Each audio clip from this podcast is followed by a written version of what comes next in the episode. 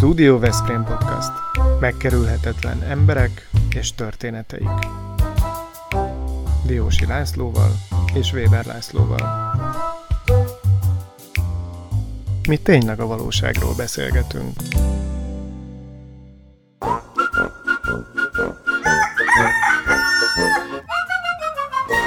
Nem akarom húzni az időt, csak a nép hangja is megszólalhat-e két mondat erejéig. És úgy gondoltam, hogy ilyen társaságba kerülök, én ezt mindenképpen megkérdezem. Az egyik az, hogyha elmegy az ember vásárolni bort. Nagyon sok esetben azt tapasztalom, hogy a fantázia néven kívül nincsen semmilyen információ egy átlag vásárló számára. Ti nyilván tudjátok, hogyha ez a vagy az a e, borász állította elő, akkor vajon abban mi van. De hát ez egy olyan felettébb furcsa dolog, hogy egy küvénél nem tudjuk, hogy mi is van benne. Ez egy normális jelenség, vagy, vagy nincsen valami előírás? Mert sokszor hallottam, hogy panaszkodnak, és olyan furcsa dolog, hogy e, nincs info. A másik pedig én a petnatot szeretném megkérdezni. Lehet, hogy itt szentségtörés, mert itt a, a, ezek a forradalmi dolgok e, nem biztos, hogy a a nagy borászok között olyan hatalmas népszerűséget jelentenek, de a fiatalok körében egyre inkább azt látom, hogy keresik ezeket a szűretlen, derítetlen, sajátos, különleges borokat, és már csak azért is, mert olyan zavaros, meg különleges, ezért isszák, tehát jelent ez valamit nektek? Kell erre készülni? Érdekes lehet a piacot tekintve? Nekem itt van egy kettős kalapom. Én egyrészt végzett és gyakorló jogász vagyok, másrészt meg ugye van itt ez a Jásdi Pince nevű képződmény. Tehát én az első kérdésre válaszolnék, a másodikról meg megvan a véleményem. Magyarországon jelenleg felépült egymással több párhuzamos eredetvédelmi rendszer. Van az állami eredetvédelmi rendszer, van, vannak a maszek eredetvédelmi rendszerek, és aztán ezek, az ezeken belüli ellentmondások. Tehát az ember sem jogászként, sem borászként nem igazodik el a rendszerben. Ha mi sem igazodunk el rajta, tehát úgy, nekem most ez a két szakma átfedi egymást, és nekem elméletek mind a kettőt értenem kéne, én őszintén tudom, hogy egyiket sem értem. Tehát az, hogy egy, egy, ha a fogyasztó ebből kifolyólag nem képes tájékozódni egy magyar boros címke alapján, mint hogy egy francia boros címke a tájékozódást lehetővé teszi, akkor ebbe sajnos semmi csodálkozni való nincsen.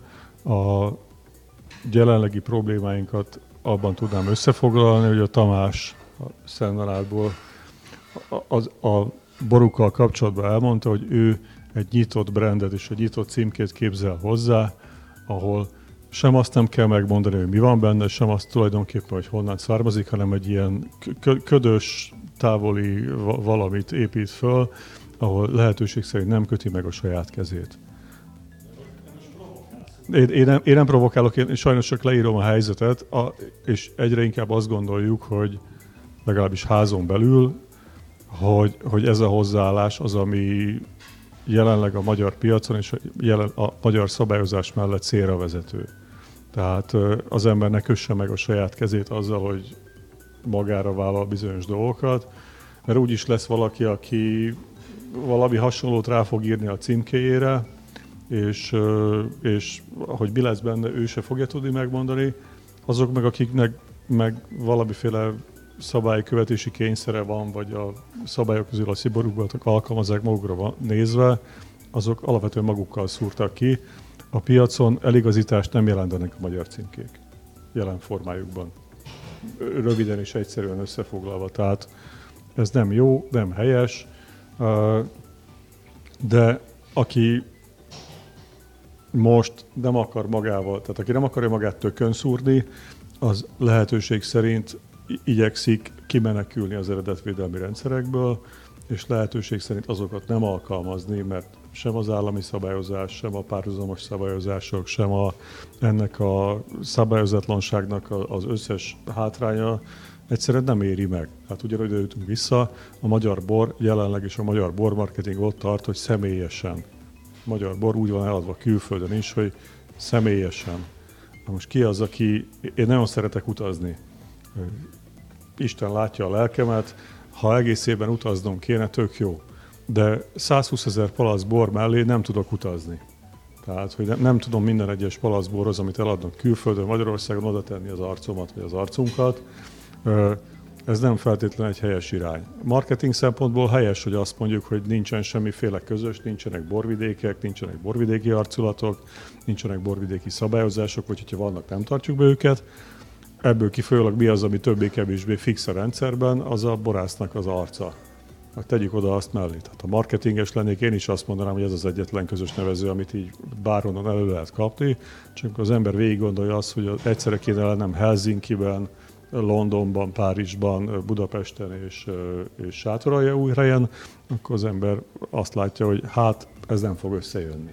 Úgyhogy a személyesen bormarketing az a másik az, hogyha ne Isten valaki túlépi azt a mennyiséget, amiben most itt a teremben vagyunk, tehát az évi 120, 200 ezer palackot, akkor megint azzal szembesül, hogy ami, egyébként annak a feltétel, hogy kilépjünk egy külföldi piacra, akkor megint nem lehet személyesen odaállni minden palack mellé, mert, mert személyesen nem lehet nyomon követni mindent.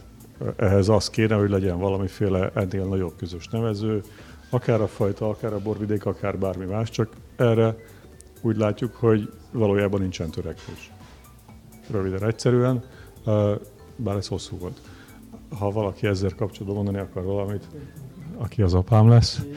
Én inkább visszakérdeznék, Laci, mit mond neked az, hogy OM, mit mond az, hogy OFJ, mit mond az, hogy asztalibor, mit mond az, hogy egri bikavér, szexádi bikavér? Hogy mi van benne? És látok egy fantázia címkét, és nem vagyok elmélyülve a, a boros világba, akkor fogalmam sincsen, hogy az a küvé az mit tartalmaz. Tehát mikor megveszek 3-4 ezer forintért egy palackot, akkor azt gondolom, hogy jó lenne tudnom, hogy hát végül is mi a helyzet ezzel, és neves borászoknál nincsen ez megnevezve. Ez egy teljesen jogos kérdés felvetés magyar fogyasztói szemmel nézve ugyanis a magyar fogyasztónak jelenleg semmilyen más kapaszkodója nincs a bor, borpolc előtt, ha le akar venni és kiválasztani bort estéhez, mint a fajta. Mert ha valaki már kóstolt egy Sauvignon Blanc, vagy egy Chardonnay-t, vagy egy olasz Rieslinget, akkor nagyjából van egy elképzelése arra, hogy milyen ízű lesz az a bor, hogyha kitölti. És ez egy magyaros sajátosság egyébként. Tehát ha elmegyünk Franciaországba, tehát nincs megelőve a fajta címkén, mert mert ha a termőhely neve rajta van, akkor abból a fogyasztó tudja, hogy nagyjából mire számíthat. A Tihany címke, amit Attila sajátosan értelmezett, hogy, hogy nyit, nyitva hagytam a jövőre. Tehát a Tihanynál szerintem nem fontos a fajta, ha váltunk is fajtát, ezt a stílus szeretném a palacba. Tehát, hogyha valaki ezt a Tihany nevű borunkat majd megveszi 5 év múlva, remélhetőleg 10 év múlva is, akkor, akkor nagyjából ezt kapja. És az, hogy ez most Cabernet Sauvignon, vagy, vagy kékfrankos, vagy szirá, vagy bármi, tehát ezt a stílus szeretném vinni tovább, és nem, és nem, nem a fajtákhoz kötni ezeket a dolgokat. Ez egy nehéz feladat piacilag, de szerencsére mondjuk a mi boraink nem olyan helyen kerülnek eladásra, ahol egyedül van a vásárló egy lelketlen nagy polc előtt, hanem ott segítik. De egyébként teljesen jogos, mert egyetlen kapaszkodó jelenleg ma a magyar fogyasztónak a fajta neve, meg a magyar ember az arra van beállva, hogy fajta bort iszik, mert az, az egy még biztosabb pozíció. A küvéket eleve szeretik kerülni. Egy színkét és egy gyík van rajta, és nem tudom, hogy mi van benne. De ő volt Balatonfürednek, az, eredet... az, de ő volt Balatonfürednek az a borász, most itt provokálok, aki az év, aki az első helyen szerepel ott a, Balatonfüredi soron. Egyébként csak egy másik olvasat, vagy egy másik dimenzió. Ha elmegy az ember egy hiperbe, ott azért nagyon nagy részt olyan borokat találni a polcon, ahol van egy borász, és felvásárolt szőlőből elkészíti megbízható mennyiségbe, és lehet ő se tudja, mi van benne. Még aki elkészíti, azt se tudja, mert éppen jött be ebből, abból, így, így rakták össze, így lett lepalackozva. Lehet, hogy nem is volt ott, amikor palackozták, hanem bér, bér dolog, vagy a nevét adja hozzá. Tehát emiatt se kerülik, kerülik ezt, hogy túl sok információ legyen a címkén. Az, az egy rossz irány, amikor tényleg semmi kapaszkodó nincs, tehát se fajta név, sem termőhely név, mert azért most itt szóba került az egri bikavér, azért a bikavérek az elmúlt néhány évben úgy ö, mutattak valami felzárkózást, legalábbis bizonyos árszegmensben, hogy nagyjából hasonló stílust próbálnak belőni. Tehát ez lenne a cél, hogyha az ember egy termőhely nevet, vagy egy, egy történelmi nevet lát a címkén, akkor nagyjából tudja, mire számítson, és nem érdekes a fajta. Most egy, egy rómvölgyi ö, vörösboron nincs megjelölve a fajta, mert lehet, hogy van benne tíz féle. Tehát mert ott az a hagyomány, hogy sok, sok szőlőfajtával dolgoznak, de a stílus az, az adja magát. Hogyha az a AOC szerepel rajta, akkor, akkor tudja a francia fogyasztó, hogy mire számítson. Ez egy nagyon érdekes kérdés, nagyon messzire vezet. Szó szerint nem én foglalkozok csak vele, vagy nem én foglalkozok vele, én lehetőséget adtam a fiamnak, tehát a Attila, aki benne van a borászatban, az az igazság, hogy ebben a szakmában szerintem fontos az, hogy nyitottak legyünk új dolgokra. És, és fontosnak tartom azt, hogy, hogy hogy azok a lehetőségek, amik, amik ősi, tehát ez a petnat, most azt mondjuk ez, ez egy új dolog, amúgy ezt úgy, úgy lehet hívni, hogy ős, ősi pesgő, vagy ős pesgő, mert ez, ez előbb létezett, mint a tradicionális pesgő. Csak hát ugye ez elindult valahol, szintén fiatalok kezdték el a, a Loire mentén, Loire mentén előhozták ezt a régi dolgot, és, és ugye a, a, a piac, amely fogékony az ilyen dolgokra, főleg a, az élelmiszeriparnak a, a sajátossága miatt, tehát a bornál is előszeretettel keresik már a, a natura, naturvonalat, tehát amikor, amikor majdnem, hogy ö, ö, a jóistenre van bízva, bízva minden, és úgy születik meg a bor, és erre, erre van ö, kereslet, akkor azt gondolom, hogy, hogy, hogy igen, erre fogékonynak kell lenni, mert a környező országok, sajnos a, a mi gátjaink a, a, a, az eredetvédelem, meg a, a nébik, meg minden volt, az összes környező országunk ebből óriási hasznokat húztak, ö, ö, környező országok borászai, mert mert, mert ott engedékenyebb volt a, a mm, a hatóság. Itt nálunk meg ö, küzdeni kellett azért, hogy, hogy mondjuk egy piac, meglevő piacon, ahol Amerikában már megvan a piac, és, és mondjuk 3000 forintért viszik el a bort, ö, itt meg ö, hibákat keresünk benne. Tehát, hogyha egy piac eldöntötte, hogy én nekem kell ez a hibás bor, akkor valamilyen formában ö, gondolkodjunk el azon, hogy, hogy eladjuk, vagy nem adjuk el. Ö, ö, nem, nem tartom hibásnak, tehát ez ez két irány van. Tehát van, van tehát a, a naturboros fiatalságban van egy, egy olyan réteg, aki, aki elfogad hibákat a borban, és ő, ő, ő emel és oda mer állni, de van egy olyan, aki viszont arra törekszik, hogyha a hiba akkor se legyen benne, még hogyha a naturbor készült benne. Tehát én ezt kértem az Attilától is mindig, hogy arra törekedjünk, hogy, hogy ne legyen be hiba. Tehát ő ne legyen be hiba.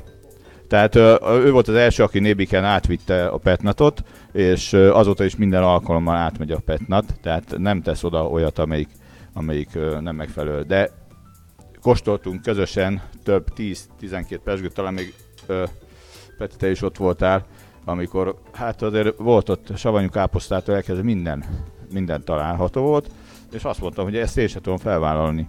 Tehát törekedni kell arra, oda kell figyelni, és akkor szerintem ez vihető. Persze kérdés az, hogy ugyanabból a szőlőből, amivel készítek egy 1200 forintos, vagy egy 1900 forintos bort palack polciáron, azt mondjuk 5500 forintért ugyanabból a szőlőből állítják ők elő, és ezt e, ugyanannyi eladják, és el lehet adni. És van rá piac. 2011-ben készítettem először narancsbort, és most van egy másfél hektár tramini ültetvényünk, 2018-ban ismét készítettünk egy kis szünet után, és most a ö, taminit nagyon nehéz aladni. Nem tudok mit csinálni, bérelt terület, van másfél hektár, ter, terem rajta x mennyiség. Most ö, ö, próbálkoztunk könnyed borral, dűlős borral, nagyon nehéz volt eladni, és ö, most simán, simán narancsborként el tudjuk adni ö, egy jó 3000 forintos polci áron, vagy akár még többet is el lehetne, de mivel több készül, ezért inkább menjen. És, és hál' Isten így elmegy. Tehát, tehát kell nézni azt, hogy a piacon milyen lehetőségek vannak, én azt gondolom.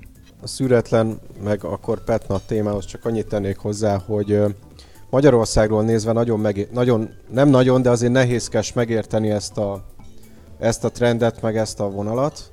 Mi egyébként, tehát a Szendonátban mi az összes vörösborunkat csak gravitációval ülepítjük, tehát semmi derítés, semmi szűrés, semmi kezelés nem kap. És a fehérboroknál is már évek óta a dűlőválogatások ugyanígy készülnek. Egyszerűen azért döntöttem így, mert ö, olyan piacokon vagyunk jelen ezekkel a borokkal, ahol ez már alapkövetelmény.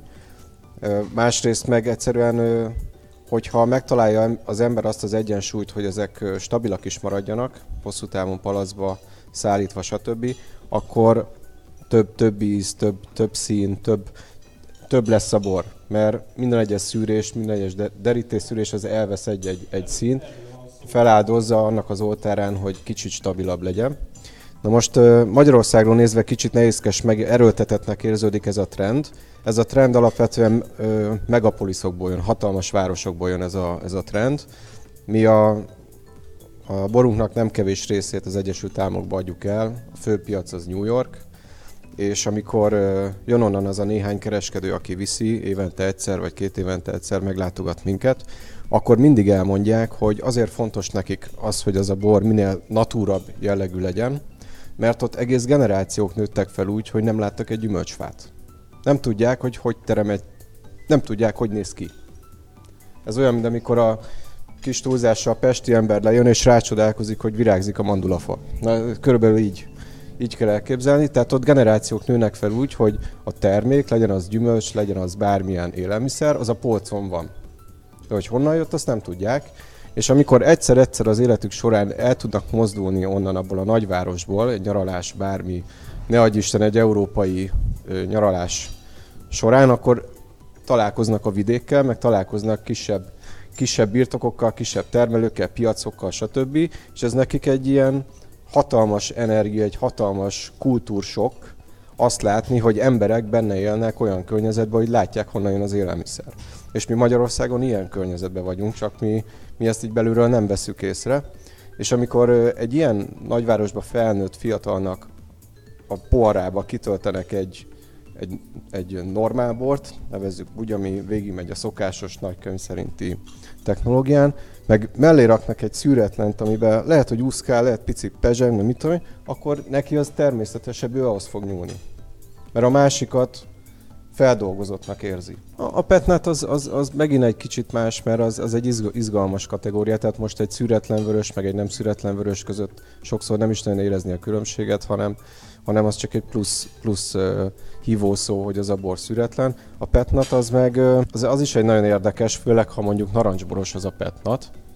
Ez is egyébként Amerikából indult, onnan jött át ide Európába, hogy nagyon érdekes a történet. Amerikában népszerűek például a grúzborok, amik narancsborok. Ugye az alap technológiájuk az ez, ők így készítik a boraikat.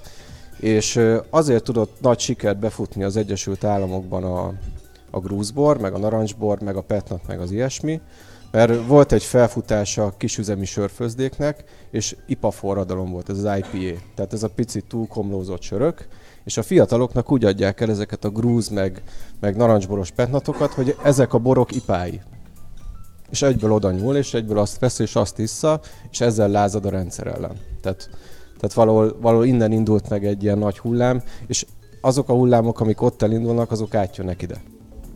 Egyetértek az elhangzottakkal, és én azt gondolom, hogy a, hogy a naturbor az valamilyen szinten egy evolúció, és lehet egy, egy olyan, olyan csúcsa ennek az egész szakmának, hogy tiszta és elegáns borokat tudjunk úgy készíteni, hogy a lehetőleg kevesebb beavatkozást hajtjuk végre a borokon, és szerintem ez az egyik legnehezebb kihívás egy borásznak szakmailag ezt elérni. És a naturbor az nem feltét.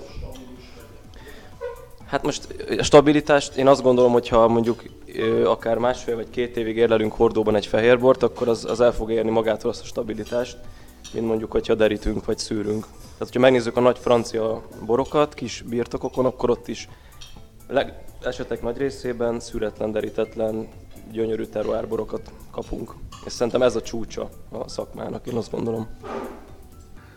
Én, én szeretek vitatkozni, és, és az én véleményem ettől elég markásan el is tér. E, egyrészt nem gondolom azt, hogy a, természetesség mint olyan rossz dolog. Sőt, a természetesség mint olyan jó dolog. Tehát minél kevesebb beavatkozással készítünk el egy bort, annál jobban járunk. A kérdés az, hogy átesünk-e a ló túlsó oldalára, vagy kiöntjük-e a gyereket a, a fürdővízzel együtt. Tehát az, amikor több ezer éve elfeledett borászati technológiákat emelünk piedesztára, vagy olyan trendeknek próbálunk megfelelni, amik pontosan fél évente változnak, én azt gondolom, hogy az hatalmas öngól. Nem, nem hiszem azt, hogy ki kéne dobnunk a hordót, mint olyat, mint borászati eszközt, mert, mert, mert egyszer a grúzok valamiféle talajba ásott izé, agyaghordókba vagy agyag edényekben erjesztették a bort, és ez, ez valami hihetetlen. Tehát, hogy a technológiai fejlődésnek azért vannak előnyei is. Sőt, az a generáció, amelyik átváltozott hirtelen ilyen, ilyen technológia gyűlölévé, az alapvetően technológián nőtt föl, sőt nem csak, hogy technológián nőtt föl, hanem technológiából él. Tehát van egy ilyen furcsa ellentmondás, hogy a legtechnóbb generáció tagadja leginkább a technológiát. A technológiának vannak előnyei is, tehát nem azért másztunk le a fáról, hogy aztán visszamászunk és azt mondjuk, hogy ez tök jó. A másik az, hogy egy, egy borászat életében az egy évenként, két évenként vagy három évenként való technológiaváltás, trendváltás és mindenféle ilyenek és ehhez hasonlóak, azok nem nagyon kifizetődőek, mert évente egyszer készítünk bort, az azt jelenti, hogy egyszer van lehetőségünk arra, hogy megtapasztaljuk, amit csinálunk, az jó-e vagy sem. Ehhez képest ezek a trendek, ezek gyorsuló ütemben változnak körülöttünk. Tehát amikor az ember tart mondjuk borkóstolót, akkor simán szembesül azzal, hogyha nem a, az úgynevezett szakmai vagy szakmai közeli közönségnek tartja ezeket a kóstolókat, hogy már azt se értik, mi az, hogy narancsbor. Ugye a narancsbor most már, most már túlléptünk rajta, mert az hülyeség, most már naturbor van, meg most már petnat van, meg most már akármi van. Ezek a trendek, ezek tetszik, nem tetszik, két évente újra és újra forradalmiasulnak, és újra és újra megváltoznak egyszerűen lehetetlenség lekövetni őket mind a szőlőben, mind a pincében. Tehát aki három évvel ezelőtt, vagy két évvel ezelőtt, amikor írtozatos nagy divat volt a, a, a gránit tojás, befektetett a gránit tojásba, akkor irgalmatlan pénzért vásárolt egy, egy olyan borászati eszközt, amiben jó esetben is egyszer vagy kétszer készített bort. Aztán a piac elfelejtette, mert, mert hát kibeszél ma már gránit tojásról az, hogy a Petnat ilyen gyorsan, ilyen karriert futott be, ez egy piaci trend, azért azt is látik, hogy a Petnat egy félkész termék. Tehát, hogy én azt gondolom, hogy érzéki örömet nem okoz annak a fogyasztása. Akkor okoz érzéki örömet a fogyasztás, hogy az ember teljes tudatában van annak, hogy, hogy ennek örülni kell mert örül, örül a haverom, örül a, izé, a, a, izé, a Facebook, örül a nem tudom kicsoda, mindenki nagyon örül körülöttem, és kicsit úgy érzi magát, mint az egyszeri egy percesben, amikor állnak sorba a bót előtt, és mindig jön ki valaki, és mindig megkérdezik tőle, hogy mi volt. És hogy hú, nagyon jó volt bent. Hú, hát valami elképesztő volt bent. És egyszer csak valaki elárulja, hogy igazából pofonér járnak sorba.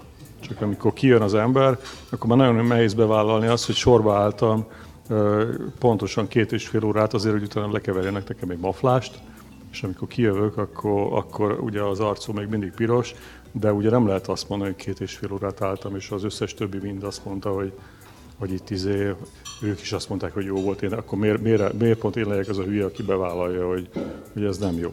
Tehát, hogy én azt gondolom, hogy a, megint a kettő közt kéne volna egyensúlyozni. Az, hogy a, természetesség jó dolog, az nyilván világos. Az, hogy egy nagyvárosi közö, közösségben, nagyvárosi környezetben szocializálódott fiatal, nem fiatal, bárki, akinek az összes tapasztalása a világról egyébként technológiai alapú, egyszer csak elkezdi valamilyen romantikus alapon keresni a természetet, és minden baromságot elhisz, Tehát, hogy jó a büdös, jó a zavaros, jó a, a, az ihatatlan, jó a fejfájás, az, az jól hangzik, és rövid ideig fenntartható, de hosszú távon nem vagyok benne biztos, hogy igen.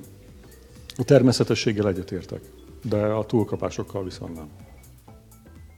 Nekem is van egy tapasztalatom, 17-ben készítettem először petnetot, és én is örlődöm, mert baromi jól sikerült, tehát még mai napig van belőle, bontatlanul, még két palack talán, és még most is szuper jó, kén nélkül letöltve, és ez amiben az ember szeretne hinni. És itt a kulcs szó, hogy szeretnénk benne hinni, hogy ez egy jó dolog.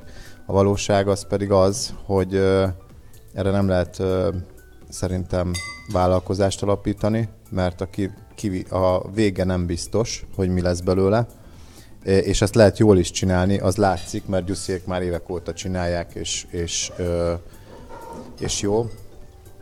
Viszont én két dolgot mondanék, az egyik az, hogy tényleg egy visszafejlődés, és nagyon kevés az a borászat, aki, aki ráállt naturborra, úgy, hogy az ott lévő ö, borász az borász. Ö, és mi is, tehát elmondok egy tegnapi esti beszélgetést, egy, egy vásárlónk fölhívott, hogy, hogy ő allergiás, és, és élesztőre allergiás. És hogy bármiben, ami élesztő van, ő attól padlóra kerül másnap. Tessék? Nem tudom ki volt, lehet, hogy ismered. Aha, igen. De, de, hogy, neki a, de, de hogy neki a naturboroktól nincsen semmi baja. És, és akkor egy pillanatig én csöndben maradtam, hogy na most erre egy borász mit mond? Hát egy olyan, egy spontán erjedt borba a biológiai aktivitás nagyobb, mint egy hibrid élesztővel kierjesztett borba. Tehát, hogyha neki allergiája van az élesztőtől, akkor az olyan minimum hár, kétszeres, háromszoros ö, túlkapással kéne jelentkeznie. Ö, tehát szeretnék benne hinni, de, de engem, engem ez, ez nem győzött meg. Pláne az, hogy a mai, mai lévő túlárazott piacon lévő termékek vakon kóstolva szerintem most nem, nem leszek finom, botrányosak. Tehát, hogy én nem mondom azt, hogy sok, sok ilyen termék az fogyasztható, és nem véletlenül sok nem is megy át a, a forgalombazatai engedélyen. A téma nagyon jó, mert mindenki hozzá akar szólni. A nagyon menő kollégáink közül, akiknek a munkásságát évtizedek óta nagyra értékeljük, egyen-ketten voltak, akik teljes egészében vagy részben átálltak natur, narancsbor irányba, és kezd, a mindegyik arról számolt be először, hogy hatalmas sikere van, és szép lassan kikoptak a hagyományos piacaikról, ez ez a piac, amire, amire beálltak, ez, ez egy nagyon volatil piac. Ez megjelenik a kereslet, eltűnik a kereslet, erre nem lehet borászatot építeni. Most jellemző mindegyik ilyen technológiára, hogy a borászatot, és minden ilyen megnevezése, hogy a borászatot azt a szüret, szüret utáni erjesztéstől indítják, soha nem beszélnek a szőlőről. Tehát naturbort, narancsbort akármiből lehet készíteni. Nem beszélnek arról, hogy a szőlőt milyen körülmények között, milyen növényvédőszerekkel védték, bele kell vágnom, mert éppen Igen. most fogadták el ezt a bortörvényt, amiben Igen. egyértelműen le van írva, hogy ö, naturbort és petnatot csak ökológiai gazdálkodásból származó szőlőből lehet készíteni. Mert nem lehet készíteni bármilyen szőlőből, és csak ökológiai ö, ellenőrző rendszer által ellenőrzött borászati üzembe lehet ja, Ez változott, nem követem tehát, napra tehát ez, ö, ez, így van. Tehát ebbe, ebbe belefutottak nagyon sok olyan naturboros, akinek nem eddig, eddig sem volt ökológia a szőleje, meg a pincéje se, és most háborok, hát hogy most milyen szabályokat kaptak, holott aztán megvan, megvan a piaca. Ez szerintem így jogos, hogy, hogy ö, egyébként, egyébként ö, egy naturbort, vagy egy petnatot, egy konvencionális ö, ö, gazdálkodás szőlőben nem lehet el, előállítani. Csak és kizárólag reduktív bort készítettek, csak és kizárólag full műanyag és techno alapon és hirtelen egyszer csak kiderült, hogy a trend az a naturbor, és hops, varázsütésre egyszer csak ezekből a pincékből hirtelen teljes egészében organikus alapon gazdálkodó naturbor készítő szüretlen narancsboros, petnatos izé, bagázsok lettek, ami a vegán is persze, de, de hogy e, e, ezek ugye a dolognak nem, nem csak a, a, az alapelvét, de a hitelességét is rontják, mert egész egyszerűen, ha az ember hajlandó legalább egy percnyit gondolkozni, és nem csak azt mondani, hogy ez a ízi az aktuális trend, akkor ha, ha két percet gondolkozik az ember, akkor azt látja, hogy Józsi, aki tavaly még izé volt, náci volt, most hirtelen kommunistává ved lett. Vagy fordítva. Tehát, tehát hogy olyan meredek izé fordulók vannak az úgynevezett piaci igények miatt, amiket az ég a világon semmi nem igazol. Ez mondjuk mindig így van, mert ha az ember ezt nézi, akkor nem az a hitelességnek az állaga, hogy mit mondunk magunkról, de, de, de azért ha azt nézegetjük, hogy, hogy most akkor borszakmailag, szőlészetileg vagyunk hitelesek, vagy pedig csak a piac fele akarjuk azt mondani, hogy itt most megveregetem a mellemet, azért ez egy nehéz. De emiatt nekünk ne fájjon már fejünk. Ne, fej, ne fájjon már emiatt nekünk a fejünk. Hát figyelj, Na, valaki csak valamit elhatároz. Naturbor, te is olyan feleséget választasz magadnak, amilyen neked nekünk, tetszik. És innentől kezdve szerintem teljesen mindegy. Az az ő saját vállalkozása, az ő saját elgondolása. Ha, ha beletörik a bicskája, senki más nem fog okolni, csak saját magát.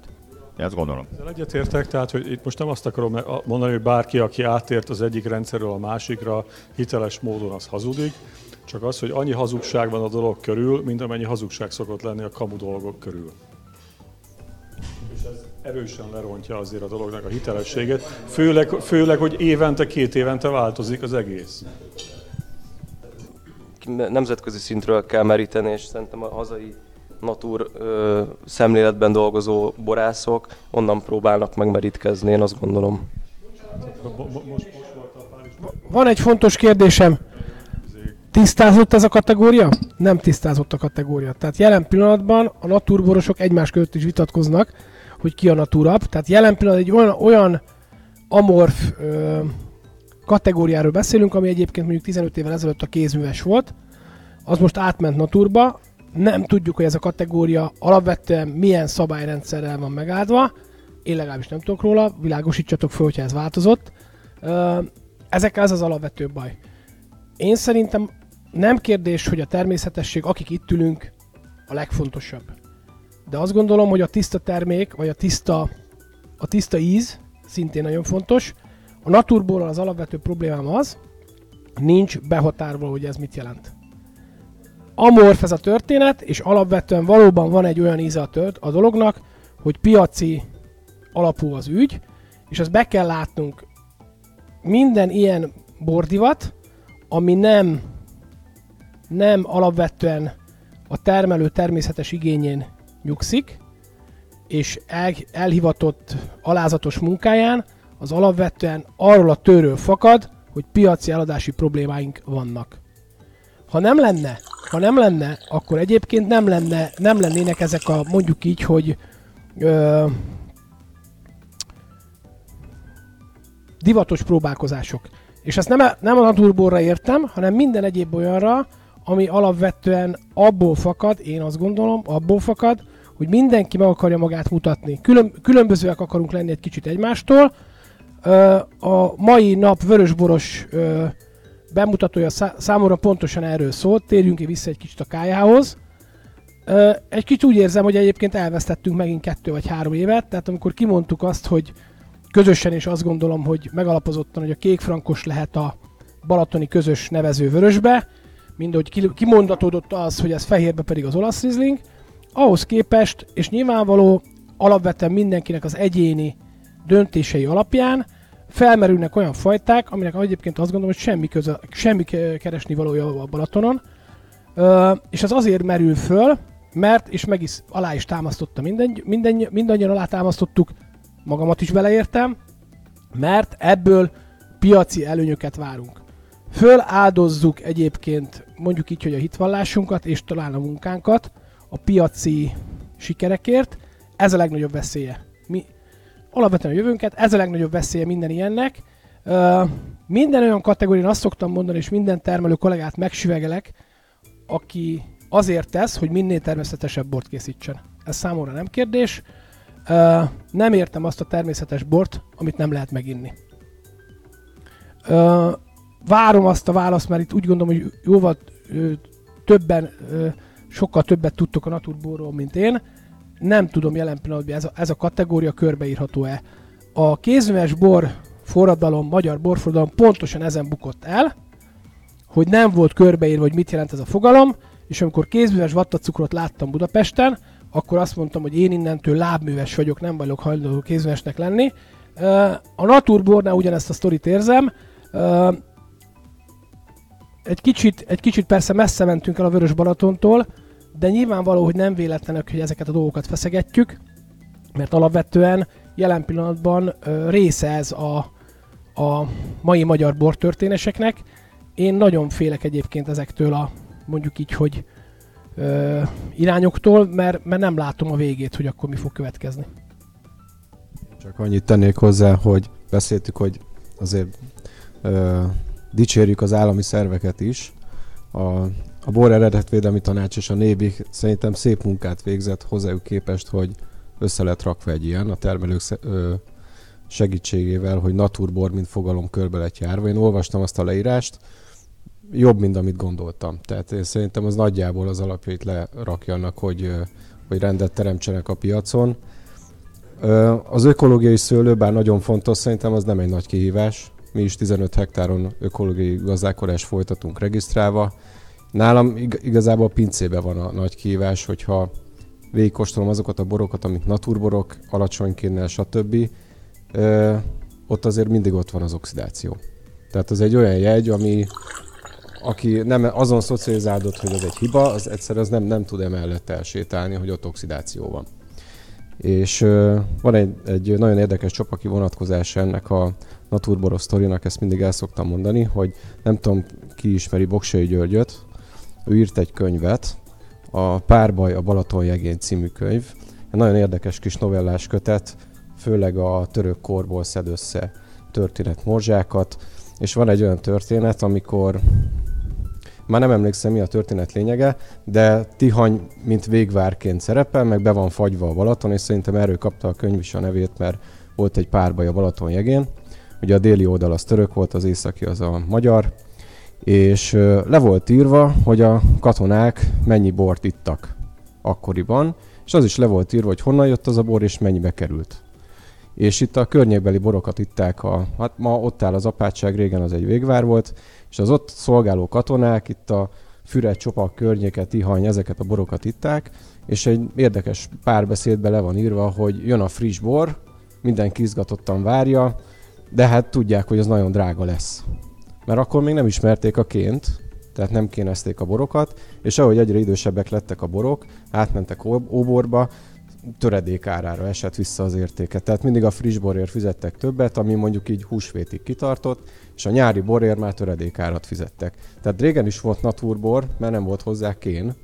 Én, nálam ez a kén kérdés az, ami az is, tehát van a piros lámpa, meg a zöld lámpa, tehát lehet túlkénezni valamit, lehet óvatosan kénezni valamit, de hát kén nélkül egy fehér bort azért elég, elég nehéz összerakni, maximum tanninnal, de vörös borba talán nagyobb a mozgástér. Én nem tudom, ki olvasta Széchenyinek a magyar borokról ö, született írását. Ez egy néhány oldalas ö, írás, amit ab, abbeli fájdalmában írt, hogy ő ahányszor Angliában járt, mindig hiába mesélt az angoloknak a magyar borok nagyszerű minőségéről, mert azok a tokai borok, balatoni borok, amik, amikről ő áradozott, azok mire kiszállították Angliába, azok mindig szétestek. Egyszerűen azért, mert nem volt okszerű borgazdálkodás, azért, mert a borokat mielőtt letisztultak, szállítva, vagy lepalackozták, vagy hordóba tették, és megpróbálták így szállítani. Nyilvánvalóan ez a, a, a bor, a, körülbelül az a történet, amit te elmondtál, a főuraknál az új bor volt a bor, és a cselédek kapták az óbort. Egészen addig, amíg Ez a fajta borászat meg nem született, amihez hozzátartozik mértékkel a kén, hozzátartozik mérték, vagy valamilyen antioxidáns. Én próbálkoztam, ittam, mert előfordult a pincében is, hogy oxidálódott egy tétel. Az igazság azt soha nem szerettük meg. Mi meg csak olyan bort szeretünk itt piacra kiengedni, amit mi négyen, öten végig kóstoltunk, és azt mondjuk, hogy ezek, ma ezt én meginnám. Ezek nagyon ritka, előfordultak azért itt ezek, voltak itt az olasz szerintünkön, narancsborok, naturborok, mindenféle. És volt köztük olyan is, amit szívesen ittam abban a pillanatban. Csak azt nem tudom, hogy egy hét múlva milyenek voltak.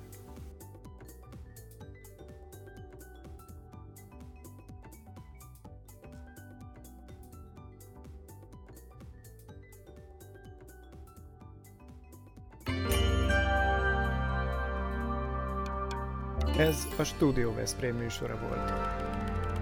Hallgasson ránk minden pénteken!